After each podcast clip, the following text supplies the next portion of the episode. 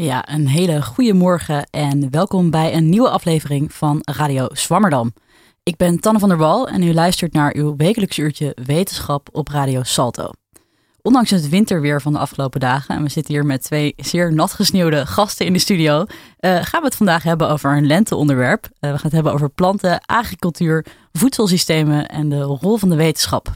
Nou, zelf heb ik een klein tuintje in het mooie Amstelveen. En eh, daar ben ik dus vorig jaar tijdens corona een, uh, een moestuin in begonnen. Um, nou, daar heb ik die toen het nog lekker weer was, een week terug, heb ik die helemaal omgeboeld en het onkruid weggehaald. En daar heb ik dapper dus een paar kropjes sla, rucola en uh, sugarsnaps ingesnaaid. Dus ik, ingezaaid. Dus ik hoop dat die nou ja, het winterweer overleven. Um, het idee was een beetje dat ik dan lekker groentes kon groeien zonder pesticiden. Nou moet ik dus wel zeggen dat ik onder de aanvliegroute naar Schiphol woon. Dus dat er volgens mij nodige fijnstof op komt. Um, en ik moet eerlijk bekennen dat uh, de slakken in Amstelveen best wel een groot deel van mijn oogst opeten. Wat wellicht een bekend probleem is in de landbouw en uh, waar we het zo uh, nog meer over gaan hebben. Nou, daarvoor zit ik vandaag aan tafel met boer- en voedselsysteemspecialist Jur Jacobs. Uh, tevens is hij medeoprichter van de Seizoensarbeiders. Welkom Jur. Dankjewel. En uh, ook aan tafel zit uh, PhD-student, bijna afgerond, Roy Koortbeek. En hij doet onderzoek bij de groep van dokter Petra Bleker aan de Universiteit van Amsterdam bij het Swammerdam Institute for Life Sciences. En kijkt naar de veredeling van wilde tomatensoorten. welkom Roy. Mijn co-presentator voor vandaag is Steuntje van Hezen. En de techniek die ligt in de handen van Anke Spekman. Uh, wat is jouw favoriete groente? Um, ik zou zeggen dat de aubergine toch wel mijn all-time favorite is. Omdat je daar gewoon heel veel mee kan. En je kan het best wel snel bijna een soort vlezige structuur geven. Je kan het heel rokerig laten smaken. Dat vind ik heel leuk. Maar ik moet zeggen dat de laatste drie weken ben ik dus helemaal van de spruit.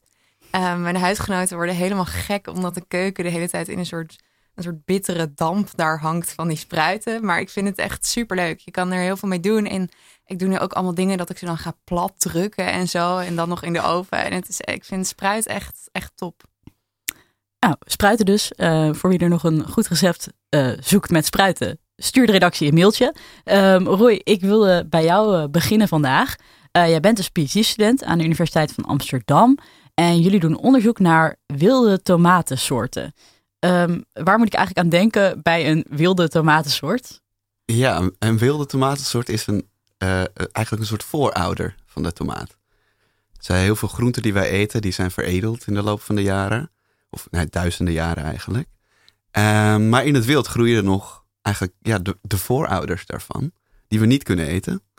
Um, maar die nog wel interessante eigenschappen bevatten. Want, want waar vind je die? De wilde, oh, de, wilde ja, de wilde, uh, voornamelijk in de Andesgebergte. Dus in uh, Zuid-Amerika. Daar groeien ze gewoon in het wild. Um, je zal ze ook vaak niet herkennen als de klassieke tomaat, zoals je die uh, in de kas vindt, of zoals je die thuis in je moestuin of op het balkon groeit.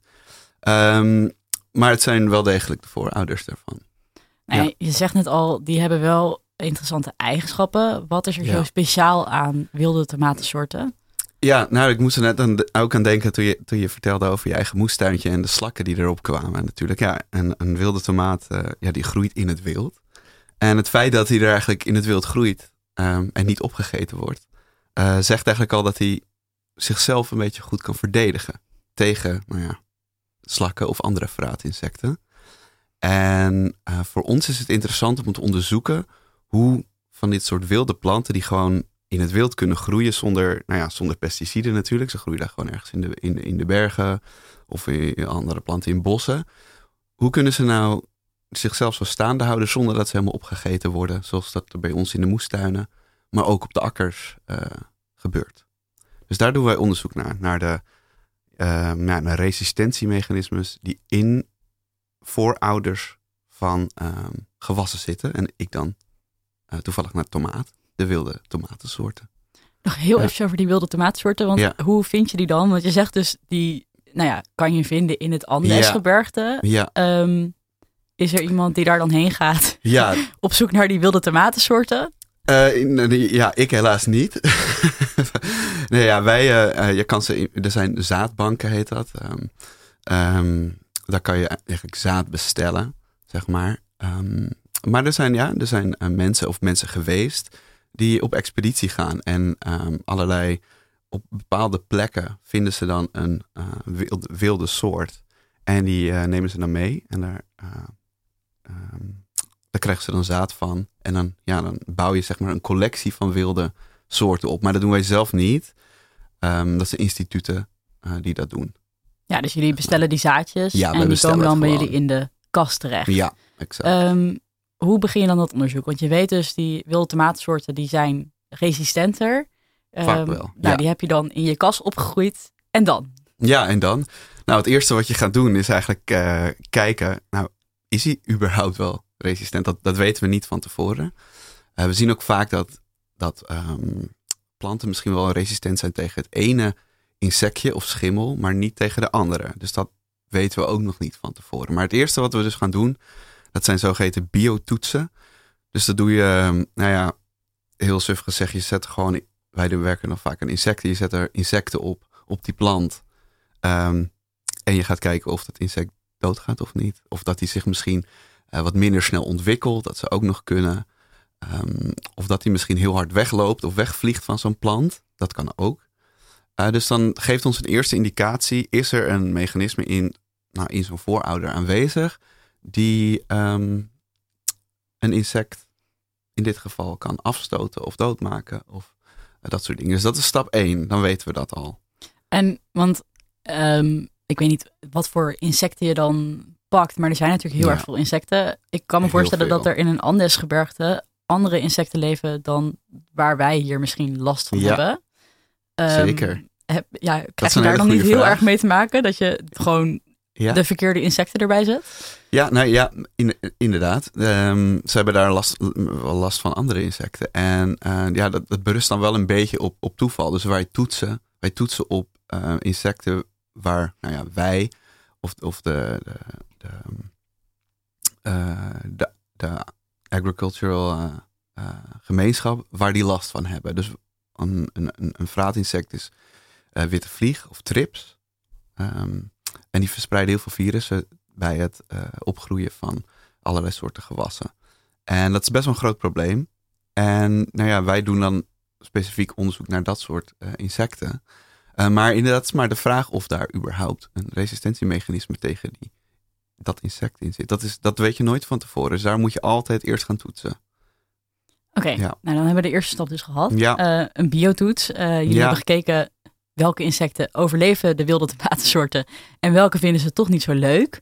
Um, ja, wat is dan de volgende stap? Ja. Want er kan natuurlijk heel erg veel aan die plant zijn wat die insecten afstoot. Ja. Ja, ja, planten zijn heel goed in um, zichzelf te verdedigen met chemische stofjes. En um, ze kunnen natuurlijk ook niet weglopen. Dus een plant ja, die gaat gewoon groeien waar zijn zaadje toevallig uh, neerkomt. En ja, alles wat er langskomt, dat kan hem opeten. Um, dus wat, wat, wat planten over het algemeen doen om zichzelf te beschermen, dat, is, dat zijn ja, chemische stofjes aanmaken die toxisch zijn tegen nou ja, degene uh, die ze wil eten. We weten ook dat, dat, dat, dat, je, dat je vader of moeder vroeger altijd hebt verteld nooit besjes eten van een uh, wilde struik. Nou, dat komt omdat de meeste planten die gewoon daar in het wild groeien, die verdedigen zich met, met toxische stoffen. Um, dus wat wij doen in ons laboratorium wij kijken naar de klierhaartjes die op wilde tomaten zitten. En dat zijn, ja, dat zijn, dat zijn minuscule haartjes op de plant. En daar bouwt een plant heel veel um, gifstoffen in op. En daar, ja, die, daar gaan we dan meten. Ja, zit, wat voor soort stofjes zitten daarin? In die klierhaartjes.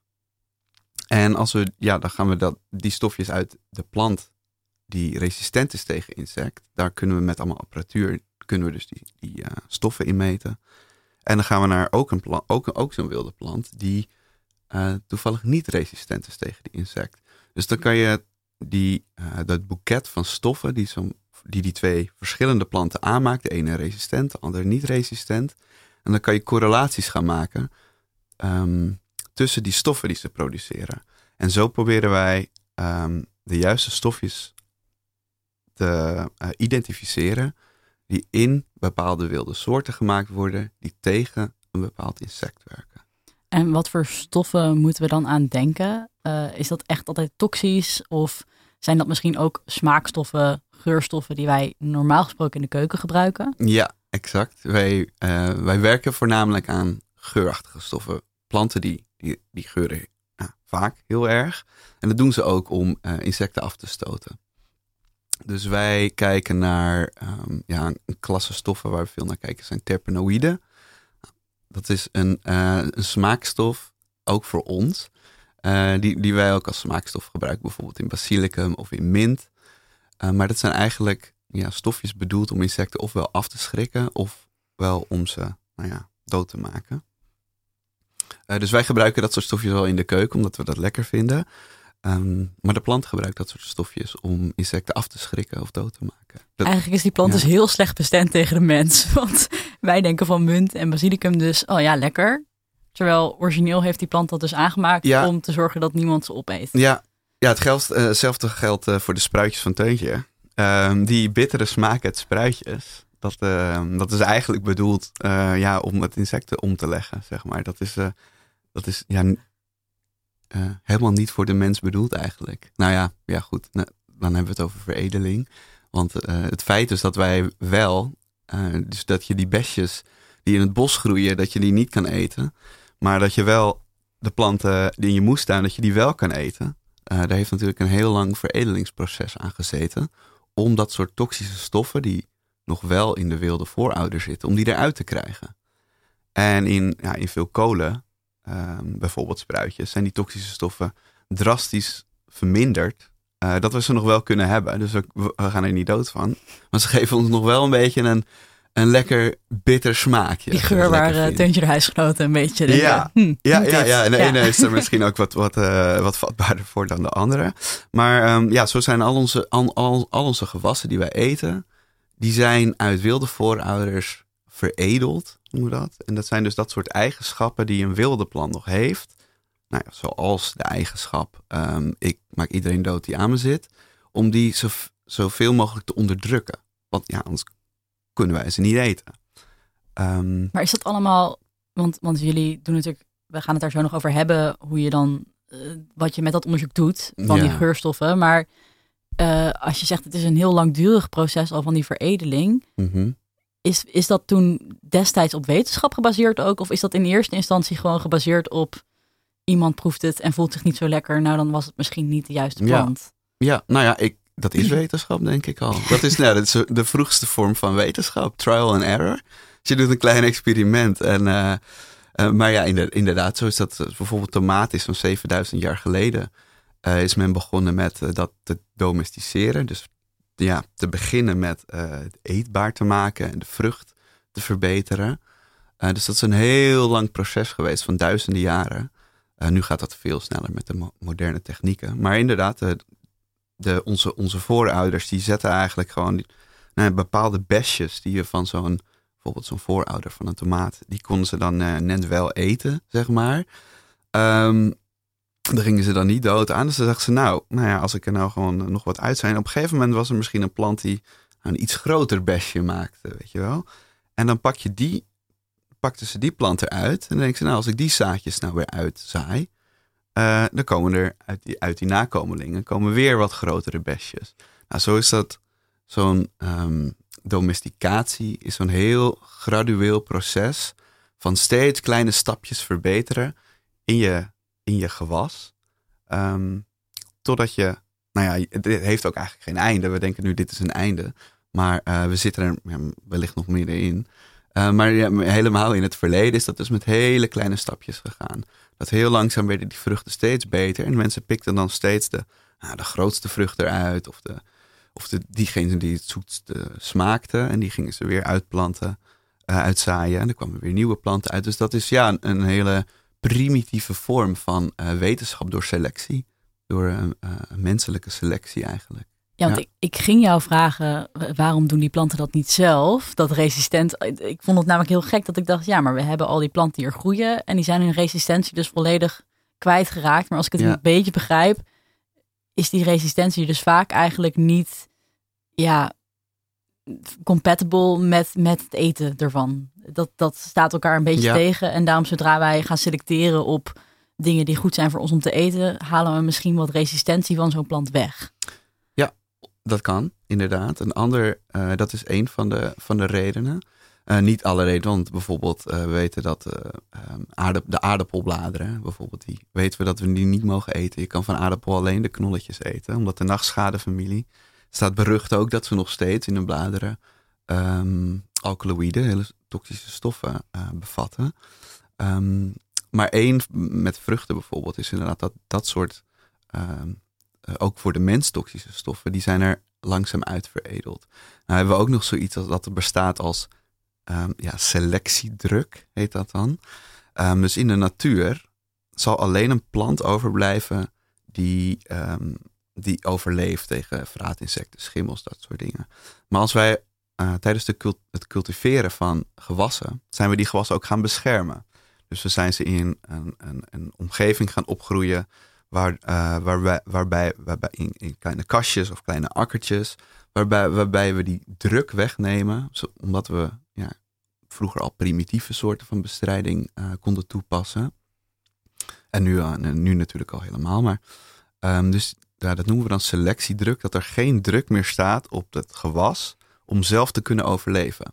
En dat zien we ook als je nu, um, nou ja, als jij nu in je moestuintje je, je tomaat of je sla neerzet, dan is hij binnen de kortste keer de weg. Dus die planten zijn totaal afhankelijk geworden van de mens om überhaupt te kunnen overleven. En ja, dat is enerzijds dus omdat we dat er expres soms ligt, ligt echt uh, hangt, hangt per gewas af hoor, maar dat we dat expres hebben weggeselecteerd, um, uh, omdat het ook toxisch voor ons was. Of ja, per ongeluk, omdat die um, druk wegvalt voor de plant om die eigenschappen te behouden om toxisch te zijn. Omdat we ze zo beschermend opgroeien. Ja, ja. nou ja, duidelijk. Ja. Um, even terug weer naar jouw onderzoek. Dit is een kort uitstapje over, over de tomatensoorten en andere planten. Um, jullie kijken dan dus naar die geurstoffen in de tomaten en die identificeren jullie. Dus Ja. jullie hebben dan zo'n geurstof geïdentificeerd um, die de ene plant wel resistent maakt, die de andere plant dus mist. Ja.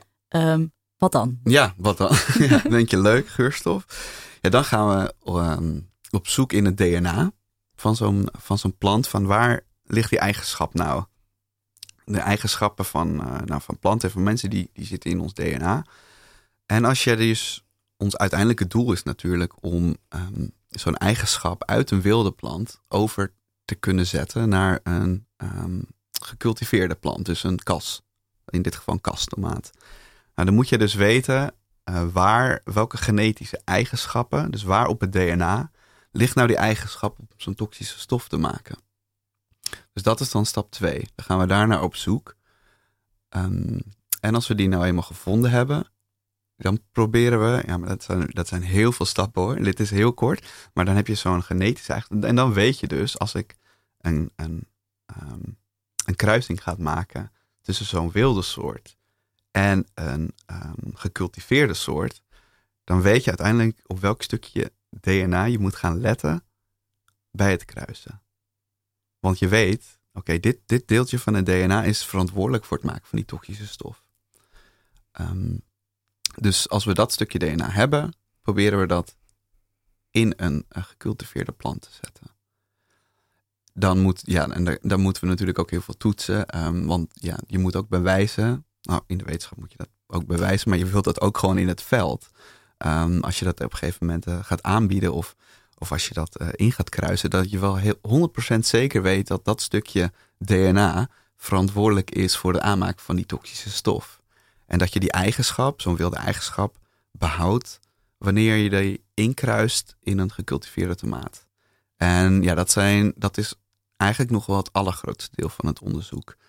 Um, voornamelijk omdat um, ja, veel eigenschappen zoals de aanmaak van geuren wordt niet door één gen, noemen we dat. Dus niet door één stukje DNA bepaald, maar vaak door veel meer stukjes. Dus het is een soort heel puzzeltje dat je bij elkaar moet krijgen van allerlei stukjes DNA. En als we die puzzel compleet hebben, ja, dan proberen we die in de um, gecult gecultiveerde tomaat te leggen. Die puzzel. En ja. wat, wat ik nog wel interessant vond van wat je net zei, is dat bepaalde geur, geuren, dus niet alleen toxische stoffen, maar ook bepaalde geuren insecten kunnen omleggen. Ja. Kun je misschien daar iets over uitleggen hoe dat kan?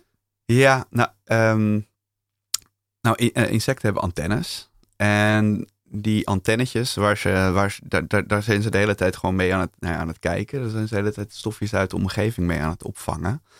En die um, op een gegeven moment, als er een bepaald stofje in de lucht komen, dan weten ze, oh, hier wil ik graag heen. Dit is bijvoorbeeld een plant uh, nou, die ik lekker vind. Maar ze, weet, ze kunnen dus ook heel goed uh, waarnemen wanneer een plant niet lekker is voor ze. Of wanneer, ja, wanneer het gewoon geen goede, goede plek is voor ze. Um, en ja, we zien dus dat ze bepaalde um, moleculen kunnen opvangen van uh, de geurstoffen, dat ze die kunnen opvangen. En dan dat er een reactie plaatsvindt in dat insect, dat kan je meten, um, dat die insect er gewoon weg van vliegt. En dat is ook een deel waar we onderzoek naar doen. Want dat is natuurlijk een heel mooi systeem, dat je nooit een insect naar je, naar je plant toe, toe kan krijgen als die, uh, die plant waar jij geïnteresseerd in bent, het gewas, als die een bepaalde geurstof uitstoot. Um, en het insect denkt, oh nee, dit vind ik niet lekker, hier ga ik weg van. Dus dat is ook, uh, behalve dat dat dus iets toxisch is, is dat ook een um, resistentiemechanisme, noemen we dat dan. Uh, eigenlijk heb je dat het liefst, want je hebt eigenlijk het liefst dat er nooit een insect bij jou in de buurt komt. Want als die al op je plant zit, en insecten zitten vaak uh, ook vol met virussen die ze overdragen, en hij neemt een hapje ervan, dan, ja, dan is eigenlijk de, de, de, het kwaad al geschied, zou je kunnen zeggen. De geurstoffen zijn ook in de, ja, voor, ons, voor ons in het onderzoek van hoe kunnen we resistentie um, creëren, zijn een, een, een, een onderdeel ervan, een belangrijk onderdeel. Ja. ja. Nou ja, dan ga je die denk ik dus testen, inderdaad, of die geurstoffen in die nieuwe plant dan inderdaad goed werken. Ja. Testen jullie nou ook nog of dat dan toxisch is voor mensen? Want het kan dus ook voor mensen ja. verkeerd gaan. Zeker, ja, ja. Ja, uiteindelijk, ja, uiteindelijk wel. Uh, dat moet het uiteraard allemaal getest worden. Het leuke aan, um, nou ja, aan, aan, aan, de, aan de klierhaartjes is, waar, waar, waar wij dus aan werken, het systeem van die klierhaartjes, is dat ze met name op de, op de groene delen van de plant zitten. Dus bij tomaat zitten ze op de bladeren, op de stengels. Nou, die, die kunnen we toch wel niet eten. Um, maar ze zitten vrijwel niet op de, op de vrucht ja, een tomaat die, die, heeft niet, die, nou, die is niet zo harig als de stengel. Dan kan je ook in de Albert Heijn uh, of in een andere supermarkt, uh, kan je dat goed zien. Als je de tros tomaat koopt, zie je dat die tros allemaal van die, die haartjes heeft en die zitten niet op jouw, um, jouw, jouw vrucht zelf. Dus dat is voor, uh, nou ja, zowel voor ons als voor de, als voor de telers straks een, een mooi systeem om toch iets te kunnen introduceren. Um, bijvoorbeeld de aanmaak van een geurstof, waardoor de, druk van insecten wordt verminderd, maar dat, nou, dat de mens er uiteindelijk niet in aanraking mee komt. Um, ja, nu moet je er ook mee rekening houden dat als je tomaten in uh, kassen groeien, of halfdichte kassen, en ze gaan uh, heel veel geurstof aanmaken, dat je daar misschien als mens ook niet vrolijk van wordt. Dus er zitten natuurlijk allemaal ook praktische, wel e-, echt allemaal praktische dingen aan. Maar ja, dat is ook een van de redenen waar, waardoor ze dat soort geurstoffen kwijt zijn geraakt. Omdat mensen ze gingen kweken en die dachten, ja, het stinkt.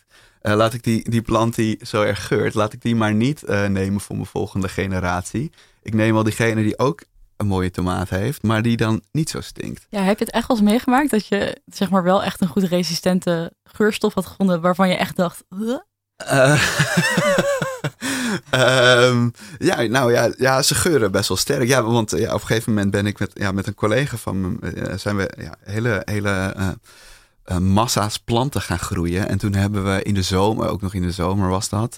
Uh, er stond een hele kast vol met allemaal, soorten wilde tomaten. En die gingen, moesten allemaal oogsten om, dat, om die klierhaartjes ervan af te halen. Nou, het was midden in de zomer, uh, eh, 35 graden denk ik buiten. En in de kast minstens zo warm. En ja, die geurstoffen die, die verdampen dan ook steeds meer. Dus ja, wij roken echt, nou, voor een week lang hebben we daar gezeten om dingen te oogsten. En ja, we werden ongeveer een beetje high van dat soort uh, geurstoffen. um, dus uh, ja, ja, nee, ja, dat heb ik zelf ook wel meegemaakt. Ja, ja. Hey, uh, laatste vraag. Staan er nou planten, wilde of nou ja, tomatenplanten die jullie hebben veredeld, staan die ook echt al bij boeren um, in de landbouw? van mijn onderzoek nog niet. nee, maar we hebben, ja, we hebben dus nieuwe, nieuwe geurstoffen gevonden en afgeleiden van geurstoffen. Uh, is ook gepubliceerd. Um, ja, dus we, we hopen dat dat ja, uiteindelijk, dat, dat duurt nog, dat kan jaren duren hoor. Ehm, en we, we, hebben ook vervolgonderzoek uh, loopt nog erop, maar we hopen dat uiteindelijk um, dat ook toegepast kan worden in onze in, in, in de tomaatgewassen. Heb je stiekem wel eens een tomaatje gegeten van je eigen? Nee, nee, nee, nee, nee. Don't get high in your own supply. nee, nee, nee. we eten niet uh, onze eigen mat materiaal. E ja, dat eet, ja, ik weet niet, ik eet dat niet in de kas. Het is uh, voor het onderzoek, uh, blijft voor het onderzoek. Maar nee, en wij veredelen ook niet. Dat we, ja, wij doen echt het, het basisonderzoek. Mm -hmm. En uiteindelijk gaat het naar, um, dan kan die kennis, die gaan naar plantenveredelaars, veredelingsbedrijven. En die zijn, ja, die zijn um, high-tech en die, die, kunnen dat, die kunnen dat hartstikke goed zo. Om zo'n eigen, zo'n wilde eigenschap, om dat over te zetten in een, uh, in een gecultiveerde crop. Um, dat kunnen wij niet. Um, ja, daar is echt heel veel kennis en, en technologie voor nodig. Dus dat doet uiteindelijk de veredelaar. Dus, maar wij, wij leveren de, de wetenschap, de basis erachter. Ja. Alright. Nou, uh, dankjewel voor je uitleg. Uh, we gaan het straks nog hebben uh, meer over de toepassing van dit soort onderzoek. Uh, maar eerst hebben we ook vandaag weer een column en die werd uh, geschreven door Aafke Kok. Uh, laten we luisteren. Ik had zin om een taart te bakken, maar de eieren waren op. Een perfect moment, zo dacht ik, om eens langs te gaan bij Appeltje Eitje. Dat is een zelfbedieningswinkel die zich naast mijn supermarkt bevindt. Stel je een soort Febo-muur voor, waarbij het juiste deurtje open gaat zodra je een keuze hebt gemaakt en betaald hebt. Maar dan niet met vieze snacks, maar met lokale boerenproducten zoals fruit en zuivel. Een sympathiek initiatief, zo leek me, want ik ben helemaal voor producten kopen die niet onnodig ver gereisd hebben. Dat scheelt bijvoorbeeld in CO2-uitstoot. Alleen tja, toen stond ik daar bij Appeltje Eitje, bleek dat ze hier alleen maar eieren verkochten met één ster. Dat kon ik toch niet helemaal rijmen met de oorspronkelijke sympathie die ik voor dit concept voelde. Het leek me ook niet helemaal passen bij het soort klanten waar deze winkel zich op richt, maar dat kan ik verkeerd begrepen hebben. En misschien zijn er simpelweg geen boeren in mijn buurt die wat meer verantwoorde eieren produceren. In elk geval is het wat mij betreft een voorbeeld van een wereld waar nog winst te boeken is op het gebied van duurzaam voedsel. Die keuze zou nog zoveel gemakkelijker gemaakt kunnen worden. Natuurlijk valt er aan het begin van de voedselketen nog een hoop te verbeteren. Zo zouden die belachelijke GMO-regels eens aangepast kunnen worden, zodat gewasveredeling, gewasveredeling een stuk preciezer kan in Europa. Op dit moment zijn de EU-regels ontzettend streng, waardoor bijvoorbeeld CRISPR-Cas de belofte die het in zich heeft voor de voedselindustrie niet kan waarmaken. En er valt ook vast nog van alles te winnen met strokenteelt en circulaire landbouw en een andere inrichting van het boerenland, waar we wat mij betreft meer en radicaler op mogen inzetten. Maar aan het einde van de voedselketen is er ook nog wel wat te halen bij de consument. Want er zijn wel leuke initiatieven met voedselpakketten van lokale duurzame boeren en er bestaat bijvoorbeeld weidevogel, weidevogelvriendelijke zuivel. Maar echt gemakkelijk is het nog niet om daarvoor te kiezen. Want dit zijn niet de producten die in de gemiddelde supermarkt liggen. Misschien kan de overheid, als die vleestaks eindelijk een keer van kracht is, ook eens kijken naar de rest van het aanbod in de supermarkt om de consument een handje te helpen onze planeet te redden. Goed, dat wat betreft duurzame voedselkeuzes en doemgedachtes over het vergaan van de wereld waar iets aan gedaan moet worden. Ik wil graag eindigen met sympathie kweken voor insecten. Ik vermoed dat de gast van vandaag, die planten weerbaar wil maken tegen insecten, ook sympathie voelt voor insecten. Een plant weerbaar maken tegen insecten is namelijk een stuk sympathieker voor de meeste insecten dan gif spuiten om insecten te weren. Toch denk ik dat het nooit kwaad kan om insecten wat extra aandacht te geven. Veel mensen vinden insecten toch een beetje vies of irritant. Dat zijn ze misschien ook best soms, maar het zijn ook hartstikke interessante wezentjes. De beste manier om daarachter te komen is denk ik om je er gewoon eens wat meer in te verdiepen. Doe daarom dit jaar eens mee met alle tuintellingen. Dat is een leuke, laagdrempelige manier om wat meer insecten te leren kennen. Zo kun je 23 en 24 april meedoen met de nationale bijentelling. Zelf telde ik vorig jaar op het Moment Suprême helaas alleen honingbijen, maar ik heb die week ook een steenhommel en een rosse metsel bijgespot. Daar zou ik nooit zo blij door zijn geweest als ik niet had geweten wat het was. Het voordeel van zo'n tuintelling is dat je maar een stuk of tien soorten hoeft te leren, wat prima te doen is. En je lijkt meteen een expert, want dat zijn natuurlijk de meest voorkomende soorten. Als je dus weer eens een bij tegenkomt, kun je je gezelschap vaak verbazen met je soortenkennis. In juli kun je een hele maand lang je kennis over vlinders testen. Nou zijn vlinders misschien sowieso al best geliefd, maar ik kan toch iedereen aanraden om de meest algemene soorten te leren herkennen. Al was het maar om de mooie namen als dagbouwoog en gehakkelde aurelia. In september is het tijd voor de spinnentelling. Voor wie bang is voor spinnen, het helpt echt om je er juist in te verdiepen. Tot slot kun je tot 9 april, volgende week dus, je stem uitbrengen voor de verkiezing van insect van het jaar. De genomineerden zijn het zandzakje, de waterschorpioen, de kikkerbillenwijter, het groot schrijvertje en de veenmol. Ik ga je niet vertellen wat voor insecten dat precies zijn, want het is veel leuker om het zelf uit te zoeken. Op wie stem jij? Ja, en uh, dat was weer de column van Aafke Kok. Uh, iemand hier enig idee welke insecten dat waren en een voorkeur voor een van de insecten? De veenmol. De veenmol, ja, ik herken ze dus al niet. Uh, ja, die ken ik ook alleen, dus ik denk dat dat de leukste ja, is. Oké. En die is ook heel gaaf. Ja. Nou, ik ga, ze, op, ik ja. ga ze even opzoeken als ik thuis ben. En ik raad de luisteraars dat eh, ook aan te doen. Ik had, ik had vorige week dus wel, toen ik dus die moestuin aan het eh herontkruiden was, eh, pakte ik mijn zandcompost en er zat een hele zielige hommel in. Die heeft het volgens mij niet overleefd, maar die was in de zak compost zijn winterslaap gaan doen of iets dergelijks. Ehm, we gaan eh, naar Jur Jacobs, die zit eh, aan de andere kant van de tafel hier. Eh, Jur, jij bent boer, voedselsysteemspecialist en medeoprichter van de seizoensarbeiders. Waar komt jouw interesse voor het boeren vandaan? Ja, ik denk dat dat echt een lang verhaal... ik ben ooit, dacht ik, als iedereen altijd maar samen eet, dan kunnen alle problemen in de wereld worden, op, worden opgelost. Sorry, ik heb net koffie gedronken. Dus toen dacht ik, als ik nou goed kan leren koken, dan kan ik ook iedereen bij elkaar brengen. Dus ik ging de koksopleiding doen. En toen besefte ik me, ja, maar waar komt het eten nou vandaan? Dus toen ben ik daarin gedoken en daar eigenlijk nooit meer uitgekomen. Ja, want je, eh, nou ja, laten we het eerst even hebben over de seizoensarbeiders. Ik vind het namelijk een heel leuk eh, initiatief. Eh, wat is het en hoe is het tot stand gekomen? Nou, toen corona kwam, toen ehm, verloor iedereen zijn baan. Vooral de mensen uit de horeca en uit de evenementenwereld. Ehm, maar aan de andere kant waren er ook heel veel seizoenarbeiders, buitenlandse seizoenarbeiders, die niet naar Nederland kwamen. Want normaal in de landbouw wordt eigenlijk het grote deel gedaan door Polen, Roemenen en Bulgaren. eh, van alles wat het, land, het handwerk is. Dus al die mensen kwamen niet. En dan hadden heel veel mensen hadden geen werk. Dus dachten we met een aantal mensen, laten we dat gewoon combineren. Laten we al die mensen gewoon op het land werken. Verdient iedereen geld en worden de boeren geholpen. Dus het was eigenlijk een heel leuk eh, idee. Maar eigenlijk nog met een hele, veel betere moraal daarachter. Ehm, dat we zo konden zorgen om die kloof tussen boer en burger te dichten.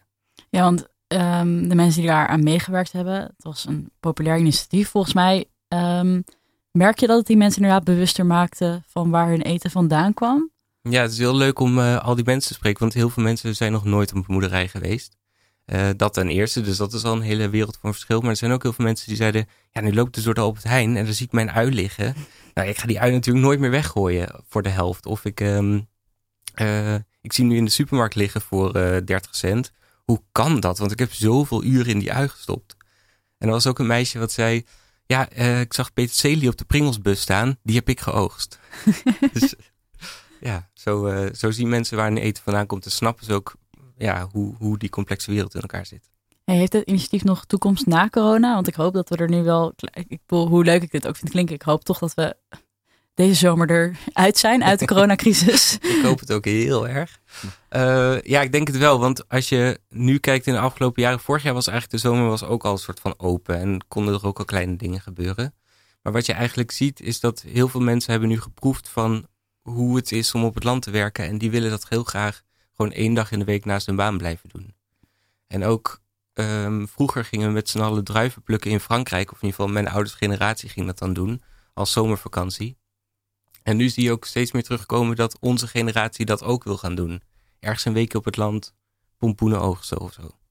Nou, mocht het je eh, nou heel goed in de oren klinken, eh, neem vooral een kijkje op jullie website. Zeker. Eh, uit mijn hoofd www.seizoensarbeiders.nl, maar zeg ik het nou verkeerd? de seizoenarbeiders. De seizoensarbeiders.nl. Nou, neem vooral een kijkje. Ehm, jij werkt nu zelf ook op een boerderij. Ja. Ehm, kan je daar iets meer over vertellen? Ja, want ik doe zoveel projecten met de agrarische sector dat het echt niet meer goed voelde dat ik ook in de stad woonde. Ehm, ja, dus ik voelde me een beetje zo iemand van de stad die wees naar de boeren en zei jullie moeten het zo en zo doen. Dus ik dacht, ik ga op een boerderij wonen. En ik woon op een boerderij, het is een ecologische varkensboerderij. We hebben ongeveer 40 varkens, wat natuur, wat schapen en wat eenden. Eh eenden om de slakken op te eten. Dus dat is nog misschien nog een goede tip. Die heb ik heel erg veel in de tuin trouwens. Want mijn buurman die voert die dus uit zijn raam. Dus daar hebben we er genoeg van. Ja. Oké, top. nou, dan komt het wel goed. Ehm, en dat is eigenlijk een klassiek verhaal. Want die boeren en die boerin die zeggen eigenlijk... nou, over twintig jaar zijn wij, zijn wij dood. Ehm, hoe kan mijn boerderij dan nog... hoe kan deze plek dan blijven bestaan? Dus proberen een soort van werk, woon-werkgemeenschap op te zetten... om eh nou, die boerderij levend te kunnen houden. Hoe ziet een dag er dan uit op de, op de boerderij daar? Nou, de, de dieren moeten gevoerd worden. Eh, er moeten altijd bomen worden omgehakt. Er moet altijd iets in de moestuin gebeuren, want dat is gewoon wel echt veel werk. Ehm, ja, het, werk van de boer is echt hard en lang en ja, is het eentonig. 9 tot 5? Denk het niet. Nee, zeker niet. Nee. Het is eh, meer van 8 tot 8. Ehm, in ieder geval in de, in de varkenswereld. En dan eh, tussendoor kunnen we wel andere dingen doen. Maar het is wel hard werken en veel werken. Ehm, nou, je zei het net ook al eventjes. Je hebt veel verder te maken ook eh, met de agrarische cultuur. Ehm, ja, wat is het advies wat je boeren meestal geeft? Nou, meestal geven zij mij advies. Eh, ik, elke keer als ik met een boer bel, dat doe ik veel. eh, of bij hem op een bedrijf kom, dan eh, leer ik altijd weer iets. Dus dat, dat is mijn winst eraan. Maar waar ik eigenlijk, ehm, vooral met de seizoenarbeiders, waar dan het speerpunt ligt, is dat er werken heel veel mensen met Polen en met Bulgaren en met Roemenen. En dat is een onderdeel van ons voedselsysteem, omdat het steeds goedkoper en goedkoper moet. Dus een gemiddelde pol, om het even te chargeren, kostte 15 euro per uur. En als je met seizoenarbeiders werkt, kost het 20 euro per uur. Of 21. En ehm, wat ik dan de boeren advies, ja, je kan voor die 15 euro kiezen.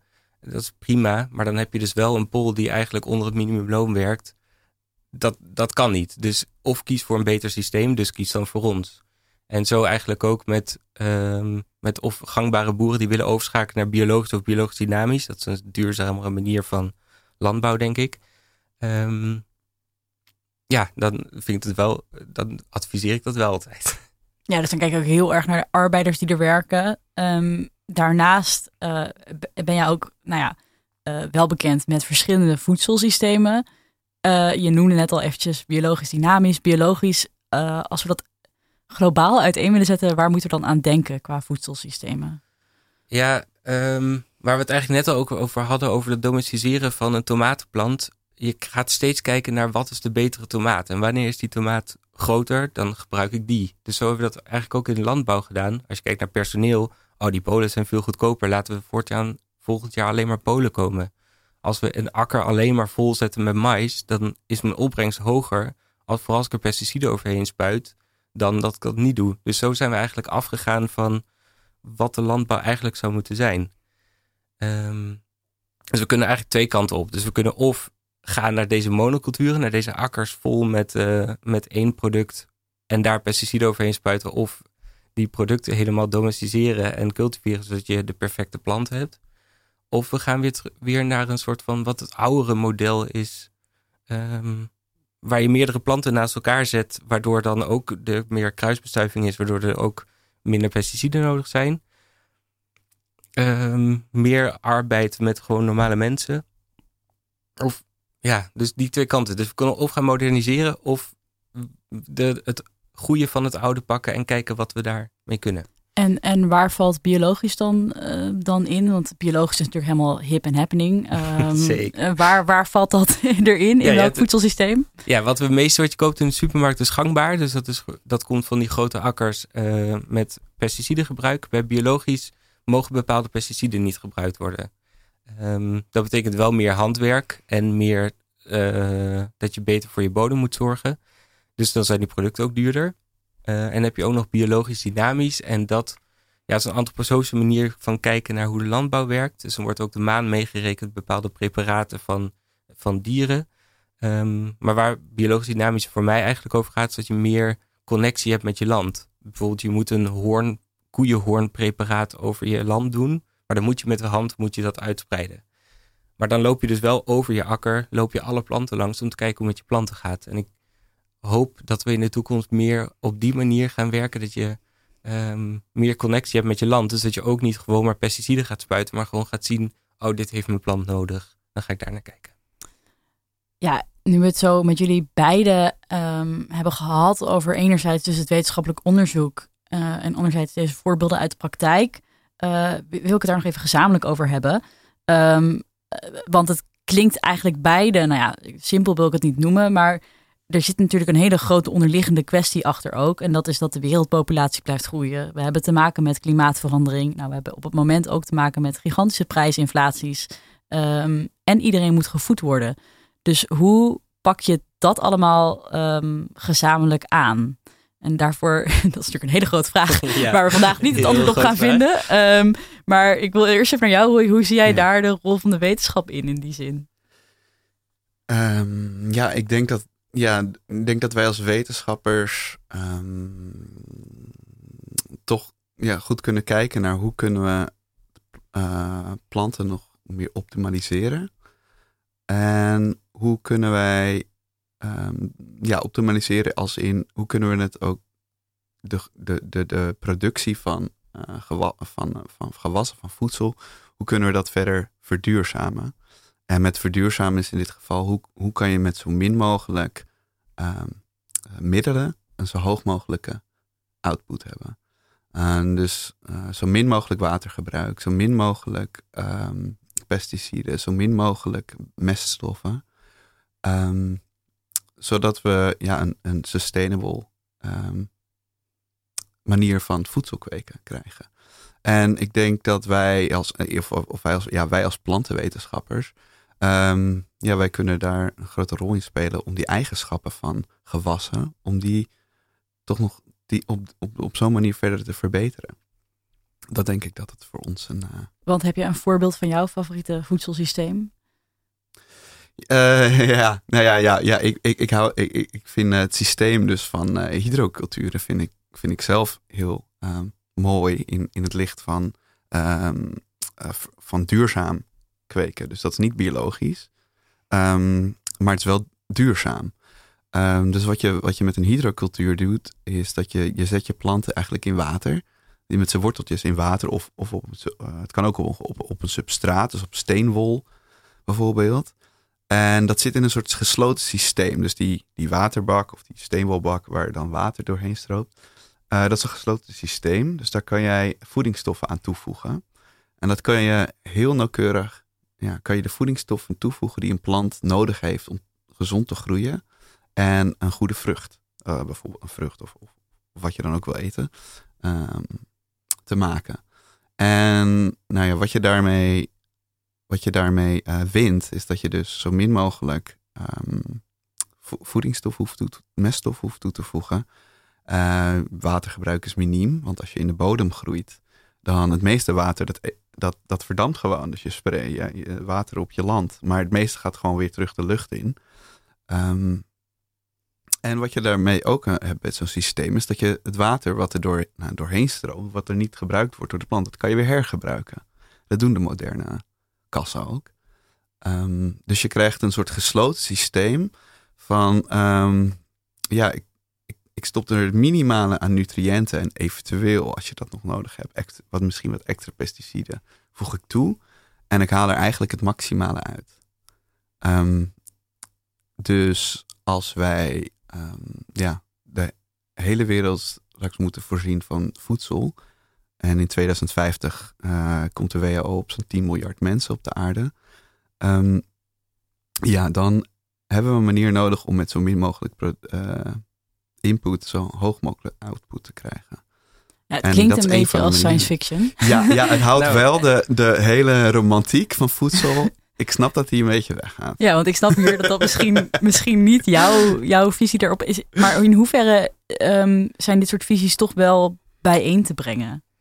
Hmm, weet ik niet zo goed. Want als je kijkt naar het idee, uh, doen we eigenlijk al jaren. We zetten, maar dan bijvoorbeeld als je kijkt naar varkens. We zetten al jaren varkens zetten we in een kleine schuur om zo hoog mogelijke opbrengst te krijgen. En dat is ook helemaal een gesloten systeem. Zelfs alle uitstoot wordt opgevangen en er wordt biogas van gemaakt. Um, als je naar duurzaamheid kijkt, is dat echt een top idee. Eh, het zit heel goed in elkaar. Ehm, er is geen uitstoot. Maar vervolgens de, eh, de druk die het geeft op alles wat daaromheen zit, dus op, op de dieren, dat is naar mijn idee niet oké. Ehm, maar daarmee krijg je dus ook de, de stikstofproblemen die we bijvoorbeeld nu hebben. Dus voor iedere grote gesloten systeem uh, komt er weer een nieuw probleem achteraan. Dus daarom wil ik niet pleiten voor zo'n op, op zo'n manier radicaal te gaan veranderen. Maar we moeten eigenlijk gewoon weer kijken naar hoe we, uh, hoe we terug kunnen gaan naar de basis. Dat we gewoon het eten eten wat we nodig hebben. Dus eigenlijk om het samen te brengen, denk ik, als je naar de supermarkt gaat, daar zouden eigenlijk de producten moeten liggen die je nodig hebt, of die in seizoen zijn, of die uit de buurt komen. Um, en dan heb je niet deze grote manieren nodig van, uh, nou ja, gekke landbouw. Maar dan gaan we dus eigenlijk toch weer terug naar die kok in jou. Dan ligt het dus ook aan wat mensen thuis willen koken. Ja, zeker. Uh, niet alleen willen koken, maar wij hebben nu de afgelopen jaren het idee dat we altijd maar alles kunnen kopen op ieder moment. Het hele jaar liggen tomaten in de supermarkt. Uh, die groeien niet in het hele jaar. Nou, Nederland wel, want daar hebben we die kassen voor. Uh, dat kost weer heel erg veel gas. Ehm, dat is weer niet duurzaam. Dus waar, ja. Dus toch terug naar de spruitjes in de winter, fonteintje. Ja, zeker. Dat is echt een goed idee. En, um, maar, want dan als laatste vraag, misschien want we hebben het vandaag over die veredeling uh, van de wetenschappelijke kant gehad. Jij zegt ervan, dat is, als ik het goed begrijp, dat is vrij gebaseerd op een grootschalige uh, voedselproductie. Zijn die veredelingen nou niet ook wel gewoon op kleinschalige schaal toe te passen? Ja, zeker. Ik denk dat het dat uh, daarmee kun je wel de perfecte planten maken. Dus um, ik geloof niet dat we naar de plant moeten die ervoor kan zorgen dat alle witte vliegen doodgaan.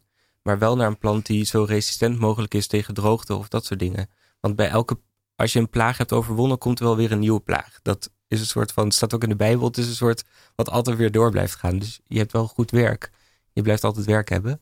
Um, maar er moet een soort, ja, dus ik denk dat het heel goed zou zijn, maar we moeten ook daar niet in doorschieten. Ik denk als wij, uh, kijk, dit, ik denk zelf dat als jij uh, een stad van, uh, een Chinese stad van 20 miljoen inwoners wil voeden, dat, en je, je ziet zelf, of sorry, ja, je, je, weet zelf hoeveel werk het is om, om landbouw te bedrijven op zo'n manier. Um, ik vraag me af, en ik denk dat we, dat we er sowieso, als we anders naar voedsel gaan kijken, inderdaad, niet alle producten zijn aanwezig precies wanneer wij willen. In de aardbeidjes midden in de winter, dat soort dingen. Um, maar als we toch grote populaties mensen moeten voeden. En het kost zoveel arbeid ook om, um, om, om überhaupt voedsel te kweken. Um, ja, dan moeten we toch naar. Ja, ik vraag me af of dat op een compleet biologisch manier überhaupt kan. Ook al is het streven prachtig. Ik weet niet, ik denk zelf niet dat dat gaat lukken. En uh, uiteindelijk zullen we, nou ja, hopelijk misschien een soort combinatie ertussen vinden. Um, wat, wat, buiten kijf staat, dat we, dat we moeten verduurzamen. Maar op wat voor manier we moeten verduurzamen, moeten we dus helemaal terug naar het uh, uh, biologische, zoals, zoals Jur doet. Um, of kan dat op, alleen op bepaalde plekken? Um, ja, zoals ik net aangaf, als wij twintig, uh, een stad of uh, een stad als Amsterdam eigenlijk al, uh, bijna een miljoen mensen, met, nu met Weesp erbij, volgens mij al een miljoen. Um, als we die allemaal moeten ja, voeden en hoeveel arbeid erin zit, um, ja, daar moeten we goed met z'n allen over nadenken hoe we dat gaan, hoe we dat kunnen aanpakken. Kan dat, Jur? Of moet iedereen dan terug? Moet iedereen dan een moestuintje uh, onder de Schiphol uh, aanvliegroute zetten. nee, want ja, er is ook een onderzoek geweest dat als iedereen zijn eigen voedselproductie zou moeten doen, dan past het niet op deze aarde. Uh -oh. Dus dat zit er sowieso niet in, sorry. en, en, dan kunnen we niks anders meer doen dan uh, aan onze moestuin werken, want het is zoveel werk. Ja, het is echt en meer we willen werk. Ook, we willen ook met de tram reizen, we willen ook een iPhone hebben, we willen ook uh, fietsen hebben. Dus je hebt allemaal andere mensen nodig die andere werkzaamheden doen, behalve boeren natuurlijk. Daar hebben de boeren voor, om dat zo goed mogelijk voor ons te doen. En dat doen ze uitstekend. Ja. Ja. Willen we nou dus inderdaad te veel in de maatschappij en wordt deze kwestie onderbelicht? Ik denk dat die zeker wordt onder, onderbelicht. Uh, ik denk dat we al um, jaren, al bijna een eeuw, zitten we in een enorme voedselcrisis. Zonder dat we het zelf doorhebben. En we stevenen echt af op enorme hongersnoden. Als je nu kijkt naar wat er in, Roemenië, of in de Oekraïne gebeurt. Uh, met de graanproductie die daar wegvalt. Dat wij daar eigenlijk allemaal als wereld problemen mee hebben. Uh, dat is echt gevaarlijk. En dit wordt alleen maar erger in de komende jaren. Dus, dus waar, waar ligt bij wie ligt daar eigenlijk de rol om dat aan te passen? Is dat iets vanuit de overheid zou moeten komen? Is dat iets waar wij met z'n allen bewuster van moeten worden?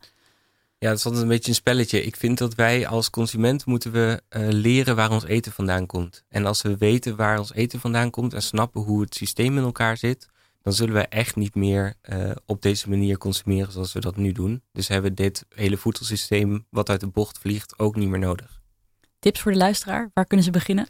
Uh, ga een keertje naar een boer ga gewoon een keertje langs en koop daar een product en vraag waarom die doet wat hij doet. Of zij doet wat ze doet. Um, en um, koop eens lokaal. En kijk wat er in het seizoen is. En praat met elkaar over eten. Nou, met die mooie woorden wil ik het uh, afsluiten voor vandaag. En uh, zijn we dus uh, bij het einde van deze uitzending gekomen.